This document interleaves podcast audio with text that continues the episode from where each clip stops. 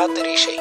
ملاحظات العبد الفقير إلى الله محاكيكم هو أول من يقع فيه في خاطري شيء. حنا كويسين بس إذا نقدر نصير أحسن ليش لا؟ في خاطري شيء. حياكم الله. أكيد قد مر عليكم هالموقف. تشوف صديق لك في سوق أو مول أو مكان عام داخل السعودية أو برا السعودية. بعد يوم ولا يومين يشوفك صاحبك ويقول لك ترى شفتك ذاك اليوم؟ بس ما بغيت تسلم عليك. ليش ما بغيت تسلم علي؟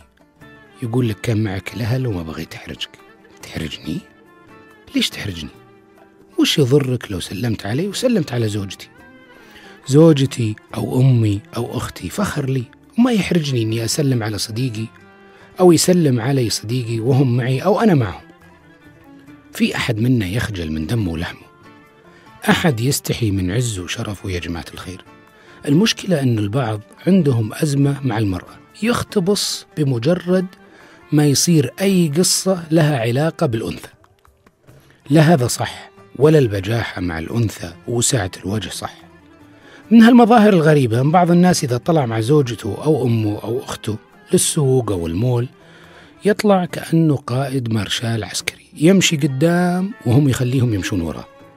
ليش؟ عشان ما حد يشوفني مع حرمة مع امرأة. وأخزياه من هالعقليات. ترى كل ما اقتربت من أمك أو أختك أو زوجتك أو بنتك ساهمت في صناعة بيت متوازن. وعززت نفسيتك ونفسياتهن. وبهالطريقة بتكونون طبيعيين. وتذكر إن اللي عليه الرك في التربية الصدقية هو الأم يعني الأنثى. لا نصير مثل بعض الغربيين ما يقول النساء أولا.